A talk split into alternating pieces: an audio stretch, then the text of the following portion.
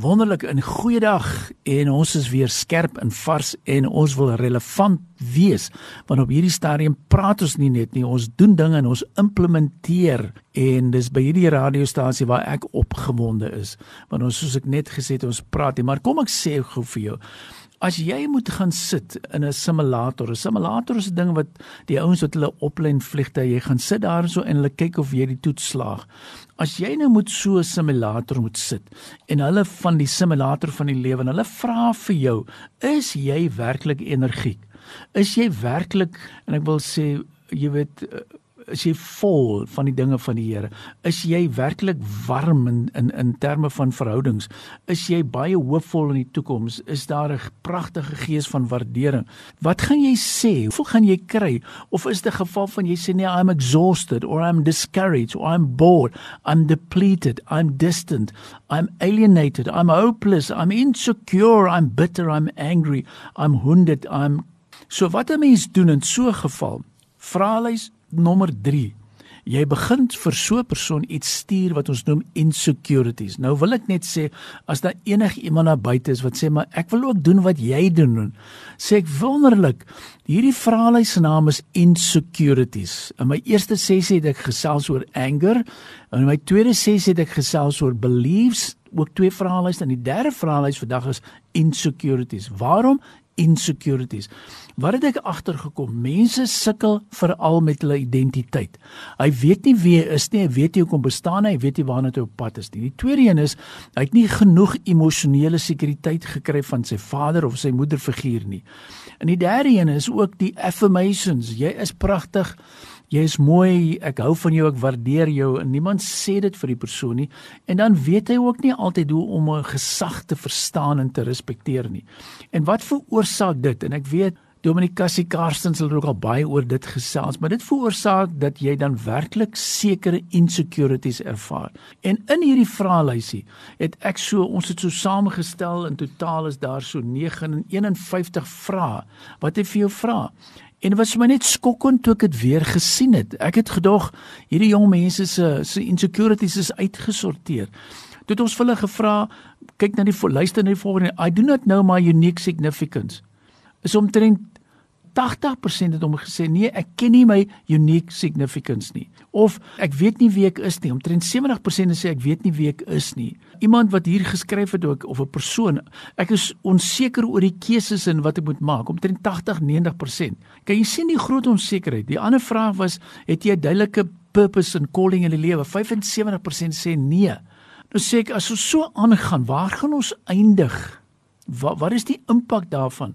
Geweldige sterk insecurities. I always question myself. Jy weet, dinge soos I always feel uncertain. 80% sê dit, yes. I do not trust someone giving me compliments. I do not feel supported. I do not like to be held accountable. I struggle to listen and to obey my conscience. Nou hierdie is oorsake vir wat ons noem insecurities. I do not own responsibility easily. I struggle to stand under authority. I find it difficult to respect my superiors. I want to do things my way. I struggle with receiving or applying discipline. I do not know how to use power.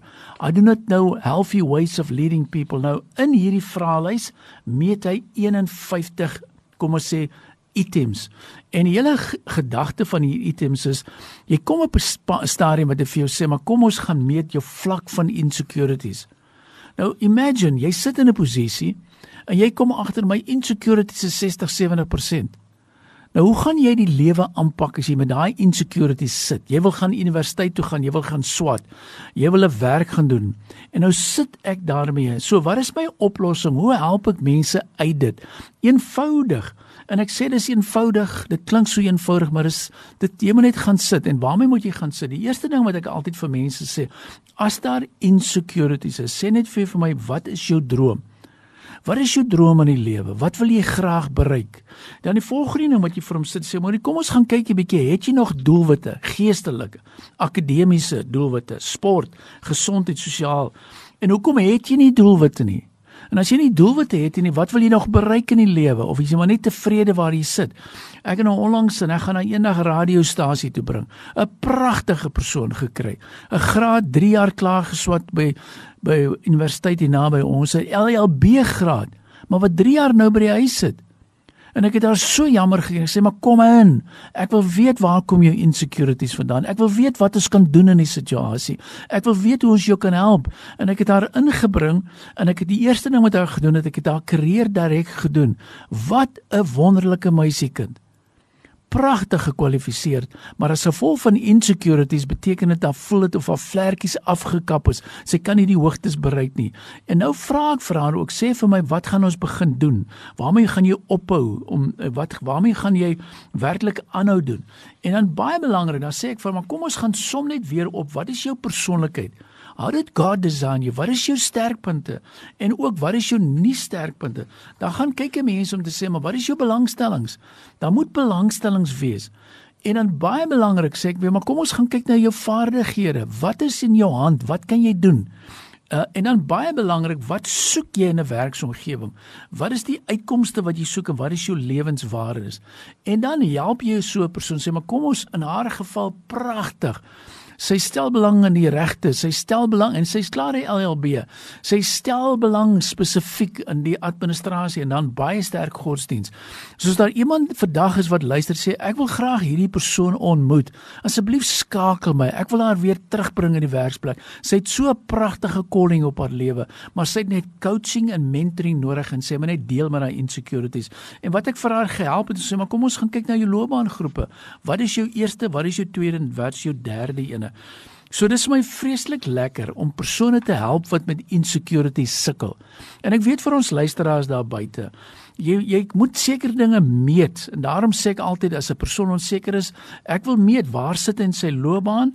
Ek wil meet wat gee vir hom, wat is sy Godgegewe sterktes en sy nie sterktes, sy belangstellings en vaardighede. Ek wil kyk wat hoor ek. Ek wil kyk wat is op sy CV.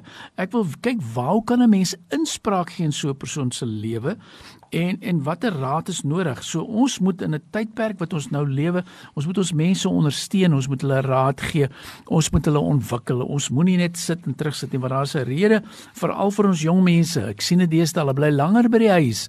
Hulle sukkel om hulle uit te kry, maar as jy gaan mooi kyk, is daar nog baie insecurities wat nooit opgelos is nie. En daarom wil ek sê kom ons gaan weer. Ek hou van die Engels wat sê let's discover who we are.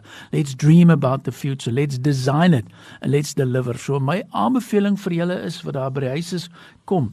As jy dalk sit en jy sê maar ek is een van hierdie persone Mario, ek weet nie waar ek is nie, ek weet nie hoe om die dinge te hanteer nie. Ek weet nog sukkel met 'n klomp insecurities, dan sê ek dis nou die tyd. Jy hoef nie altyd 'n bedryfsielkundige of 'n hoogsgeleerde persoon te wees nie. Ek soek mense wat faithful, available and teachable is. Dan kan ons mekaar help. Ons sit met 'n klomp inligting. Ek wil mense toerus en toerus en toerus soos nog nooit tevore nie. So ek vat saam my WhatsApp nommer. Ek dink julle weet dit al van julle maar wat nie ken nie maklik 082 88 29903 kom ek herhaal 0828829903 en ek wil net weer eens sê hierdie is nie 'n radiostasietjie of 10 minute se praat nie. Dis nie 'n pep talk nie. Dis doen, doen en doen, dis implementeer. Jy gaan nie gedrag verander as ons net praat en praat en praat. Die Here seën jou. Hou met my kontak, skakel my, soek meer inligting. Ek stuur dit graag vir jou aan. Go and make a difference. Be blessed.